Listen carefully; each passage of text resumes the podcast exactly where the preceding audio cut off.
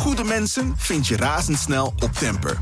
Plaats je shift op het platform en kies zelf uit duizenden freelance professionals op basis van hun ratings en skills. Van 1 tot 100 man, voor één shift of regelmatig, je vindt ze op Temper.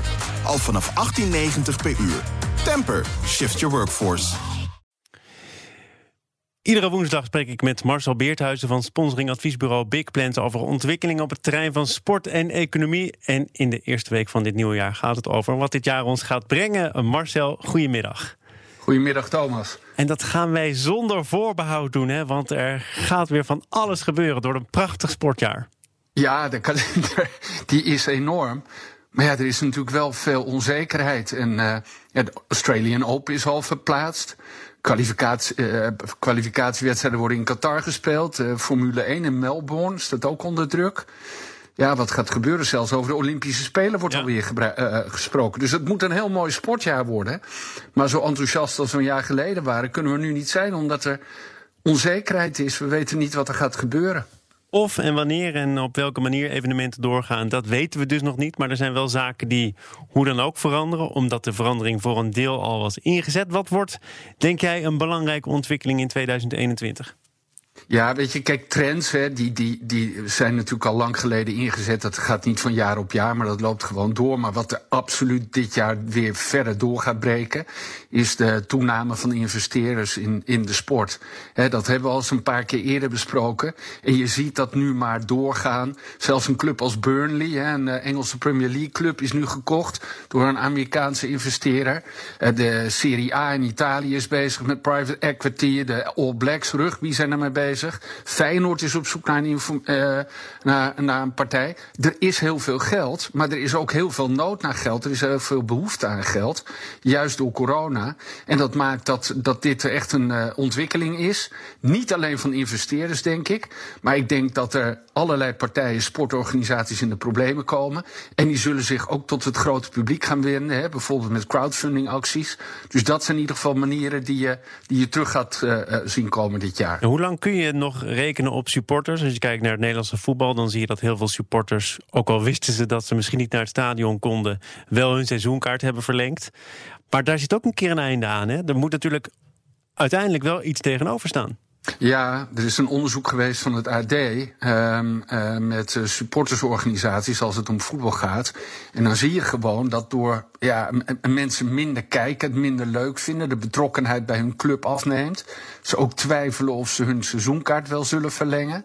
Dus ja, er is altijd een basis die, die, die enorm betrokken blijft bij zijn club. Maar het feit dat het nu allemaal zo meer op afstand is, dat helpt gewoon niet. Dus dat, dat maakt het allemaal nog eens een keer moeilijker. Ja, als mensen minder betrokken zijn en ook minder kijken, het minder leuk vinden. Wat gaat dat dan betekenen op het terrein van de ontwikkeling van tv-rechten? Wie, wie gaat daar nog flink de portemonnee voor trekken?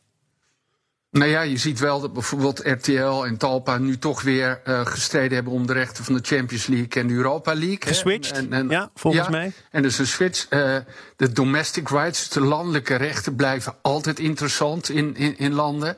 Je ziet wel dat in Amerika bijvoorbeeld, waar het nu over, de, uh, over het American voetbal gaat, de NFL, over nieuwe contracten wordt gesproken, dat het weer over enorme bedragen gaat. En ook dat viel me op voor hele lange termijnen. Ze praten over contracttermijnen van tien jaar, maar met allerlei verschillende partijen. Dus wat je ook hier weer ziet, is dat de, de, de grote partijen en de, de grote properties, daar blijft gewoon altijd interesse in.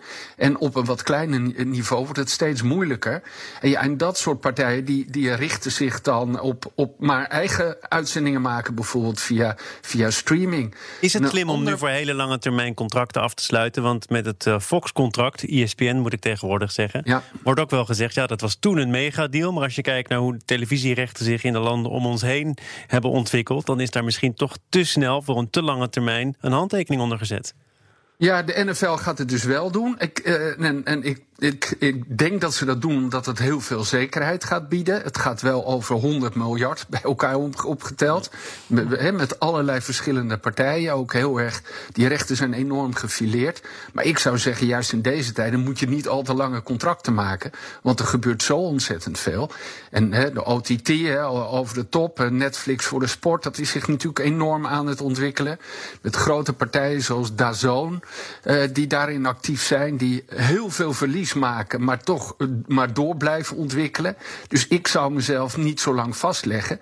Wat je wel ziet dat sportorganisaties om hun aanbod nog beter te kunnen vermarkten, bijvoorbeeld uh, uh, meer, wedstrijden op meer momenten gaan spelen, of zelfs in het, in het Indiaanse cricket bijvoorbeeld, voegen ze gewoon twee teams toe aan de competitie, zodat er meer wedstrijden te verkopen zijn. Uh, nou, de NBA is net gestart met kerstmis, hebben de beste kijkcijfers ooit. En natuurlijk op het gebied van content gebeurt er heel veel. Dus we willen allemaal kijkers in de kleedkamer. Ja. En daar, daar, dat wordt steeds belangrijker. Dus de, de, de videostrategie van, van sponsors, maar ook van sportorganisaties, die is ontzettend belangrijk geworden. Marcel, het, uh, het lijkt in één keer fantastisch aan te sluiten. Maar morgen dan is hier Jan van Merwijk te gast. Hij is directeur van de Kuip. Dan gaat het over onder andere Feyenoord City. Hij haalde net al aan dat ze bij Feyenoord uh, op zoek zijn naar investeerders. Er wordt volgens mij gesproken met Amerikanen. Maar ja. Als jij nou één vraag aan hem zou mogen stellen, welke zou het zijn? Ja, wat um, één vraag zou zijn: uh, hoe belangrijk vind jij ook uh, de, de, maatschappelijke component van Feyenoord City? Hè? Dus we praten de hele tijd over Feyenoord en sport en over een, een multisportorganisatie. Maar wat gaat dat stadion voor de stad en met name voor de gebiedsontwikkeling daar betekenen? En volgens mij, als je die twee dingen in elkaar weet te vlechten, dan zit je niet alleen maar naar topvoetbal te kijken, waarvan mensen zeggen: ja, moet daar wel veel geld naartoe? Maar dan gaat het echt over iets wat de hele stad Rotterdam of Groot Rotterdam heel veel voordeel gaat opbieden. En dat is volgens mij de manier om dit soort projecten aan te pakken. Ik ga het hem zeker voorleggen met dank aan jouw input, jouw inspiratie. Marcel Beerthuizen, dank voor deze week. Tot volgende week. En morgen is hier dus, zoals gezegd, Jan van Merwijk, directeur van de Kuip. Dat morgen dus in BNR Zaken doen. Goede mensen vind je razendsnel op Temper. Plaats je shift op het platform en kies zelf uit duizenden freelance professionals op basis van hun ratings en skills. Van 1 tot 100 man, voor één shift of regelmatig, je vindt ze op Temper. Al vanaf 18,90 per uur. Temper, shift your workforce.